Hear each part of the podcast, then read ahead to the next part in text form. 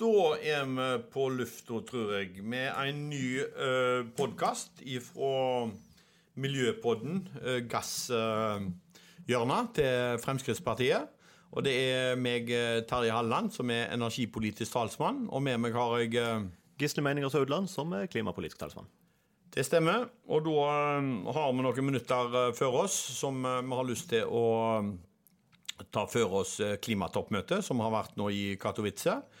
Der har en jo forhandla videre på, uh, på Parisavtalen. Og vår utsendte medarbeider i den saken her har jo vært Gisle. Du har oppholdt deg nå ei lita uke i Polen. Kom, ja. det, kom, det, kom, det, fram noe fornuftig? Ja, det gjorde for så vidt det, Terje. Um, og uh, det er jo ikke så ofte at en Fremskrittspartipolitiker får lov til å være med på klimatoppmøte, men Eh, nå hadde jeg æren av å være med på det eh, i, i, år. og Der ble det sendt en delegasjon fra Stortinget som eh, var observatører og fulgte disse møtene og forhandlingene nøye. Men som vanlig så foregår disse forhandlingene på overtid. og Der har de holdt på både på kveld og nattstid og utover, utover helga. Men det endte godt, og de kom fram til en, til en avtale til slutt. her. Ja, og, og For å gi lytteren litt av bakgrunn om, om situasjonen, så, så, er der, dette er jo en direkte konsekvens av, av Parisavtalen. Eh, der en ble enige om at hvert land skulle, eh, skulle, skulle bidra til, til, kutt. Og så eh, litt sånn frivillig basert på hva hvert enkelt land så for seg at de kunne bidra med. Og så eh, skulle en nå på Katowice-møtet prøve å komme fram til et regelverk som tilsa eh, hvordan kuttene skulle, skulle, eh, gjennomføres, og hvordan de skulle rapporteres tilbake til. Dette er det nå blitt enighet om.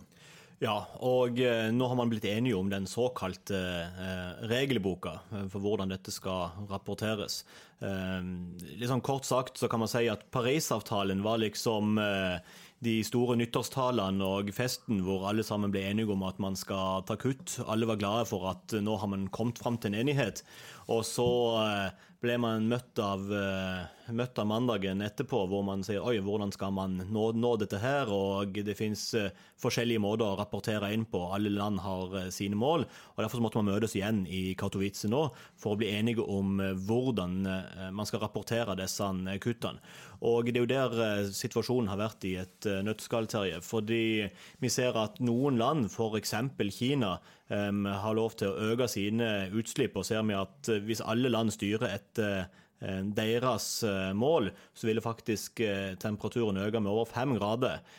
Mens andre land som Norge ville, temperaturen bare økt med omtrent to grader om man hadde fulgt det sånn som det er nå. Så det som er, Man måtte bli enige om en slags felles måte å måle utslippskuttene på, sånn at ikke noen land kan, kan lure seg unna med å ha litt kreativ bokføring. Men det er vel litt eh, FN og FN sin uh, syn på verden, skulle jeg si, og det, og det bildet hvordan FN uh, gjerne deler verden inn i u-land og i-land. Og, og, hvordan dette får konsekvenser nå, når Kina i FN sitt regelverk blir, blir regnet som et u-land, og skal dermed bespares både for kutt og for kostnader. Mens eh, alle da i-land nå skal stå for, eh, for, eh, for kuttene, og, og, til dels bære de største kostnadene. Det er vel òg dette vi har sett som er Det er vel ingen som tror at det er klima som forstyrrer Trump så voldsomt når han går ut av Parisavtalen, men det er mer konsekvensene i konkurranseforholdet mellom USA og, og Kina. Ja, det er utrolig mye geopolitikk inne i bildet her. Vi så bl.a. at uh, USA um, var i litt dårlig selskap noen steder med Russland og Saudi-Arabia, um, uten at det nødvendigvis er land som Kina, som var i veldig godt selskap. Men du er inne på et veldig interessant problematikk i forhold til u-land og i-land. Fordi eh, man sier at man skal ha med seg hvem som har sluppet ut eh, kutt historisk sett. Og det er jo dagens eh, i-land. Men problemet er at mange av i-landene, sånn som Norge, Eh, har en veldig ren industri. Vi har ikke noen kullkraftverk. Så det er veldig vanskelig for oss å ta de utrolig store utslippskuttene, samtidig som vi ser at relativt siviliserte og industrielle land som Tyrkia bl.a. nå tar og søker u-landsstatus for å få lov til å slippe ut mindre. Så vi ser at dette får noen sånne litt sånn rare konsekvenser, og alle skjønner jo at det ikke er sånn det, sånn det kan være. Men, men øh, hvis, vi, hvis, vi, dreier oss, som, som, du nå er inne på, litt konsekvenser som dette får for Norge.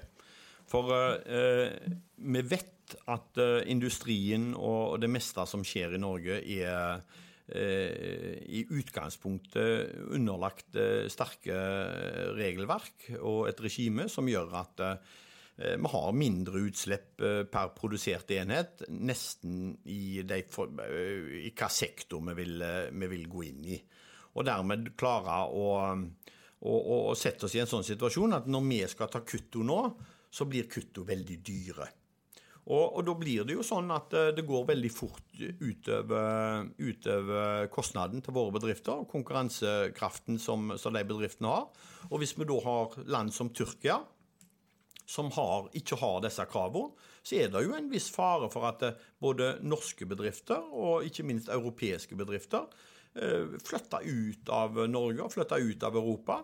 For der er det ikke de kostnadene knyttet til, til de kravene som bedriftene får. Og det, det, er helt riktig som du sier, Terje. Dette er jo et klassisk eh, dilemma. Fordi eh, hvis vi tar og eh, har for strenge krav og restriksjoner på norske bedrifter, at vi har for høy CO2-prising f.eks., eller, eller andre ting, så kan det rett og slett bare resultere i at norske bedrifter flagger utenlands. Og det er ikke sikkert at de slutter å produsere. Det kan jo bare være at man flytter de flytte utslippet til et annet land som har mindre krav, og at man faktisk får høyere utslipp som følge av det. Men det er jo derfor vi sier at vi skal ikke, ha, vi skal ikke flytte eh, CO2-utslipp. Um, men jeg er redd for at har vi for strenge innenlandske kutt, så er det nettopp det vi gjør.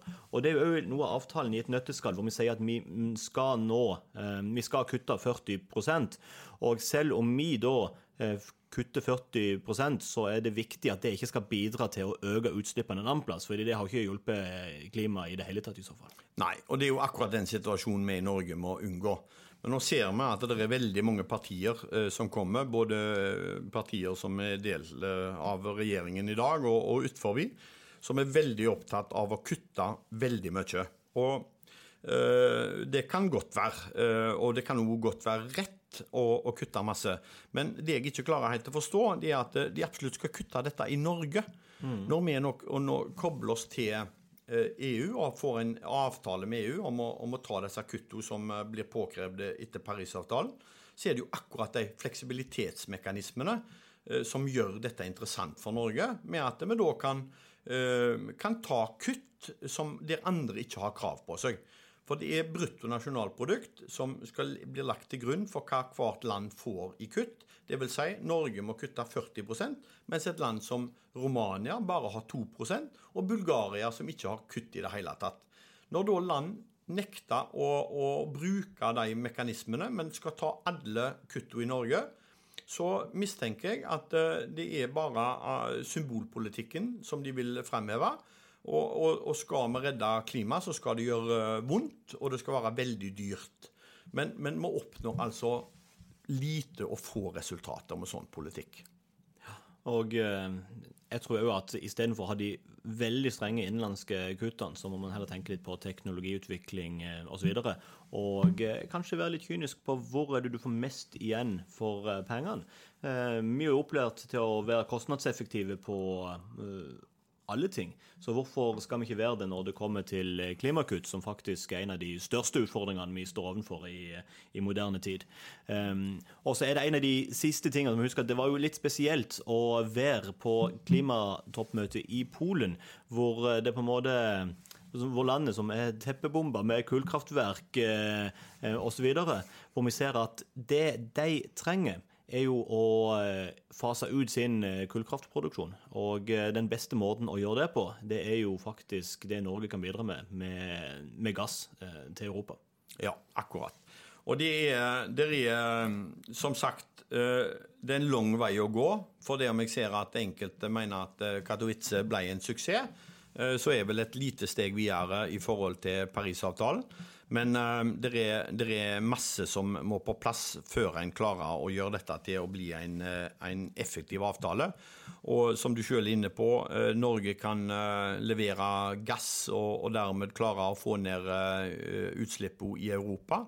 Men vi skal også være klar over at i en situasjon som dette, så, så bygger altså fremdeles Tyskland eh, nye kullkraftverk.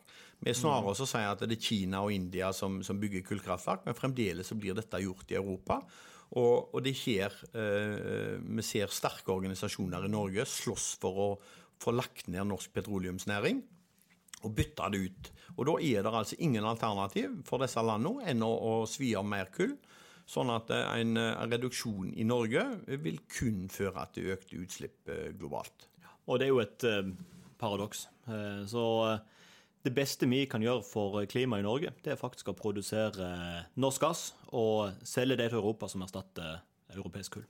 Å være med på å benytte seg fullt ut av de fleksibilitetsmekanismene, altså handel av kvoter over grenser, det vil Norge være tjent med, det vil klimaet være tjent med. Og det skal vi i fraksjonen Gisle fortsatt jobbe med. Vi skal være på alle disse som, som ønsker å, å, å, pålegge oss uh, kostnader som er dyrere enn nødvendig. De som ønsker å fase ut norsk næringsliv, de skal vi påpeke på hva politikk de er med, og drive miljøpodden vår videre til nye høyder. Men nå tar til og med Fremskrittspartiet sin miljøpod juleferie, gjør vi ikke det, Terje? Det gjør vi. Så nå nærmer det seg stygt. Så nå er det bare et par dager igjen, så tar vi juleferie. Så da kan vi vel bare ønske alle lytterne en riktig god jul, og et ønske om å komme tilbake oss igjen i 2019. God jul. God jul.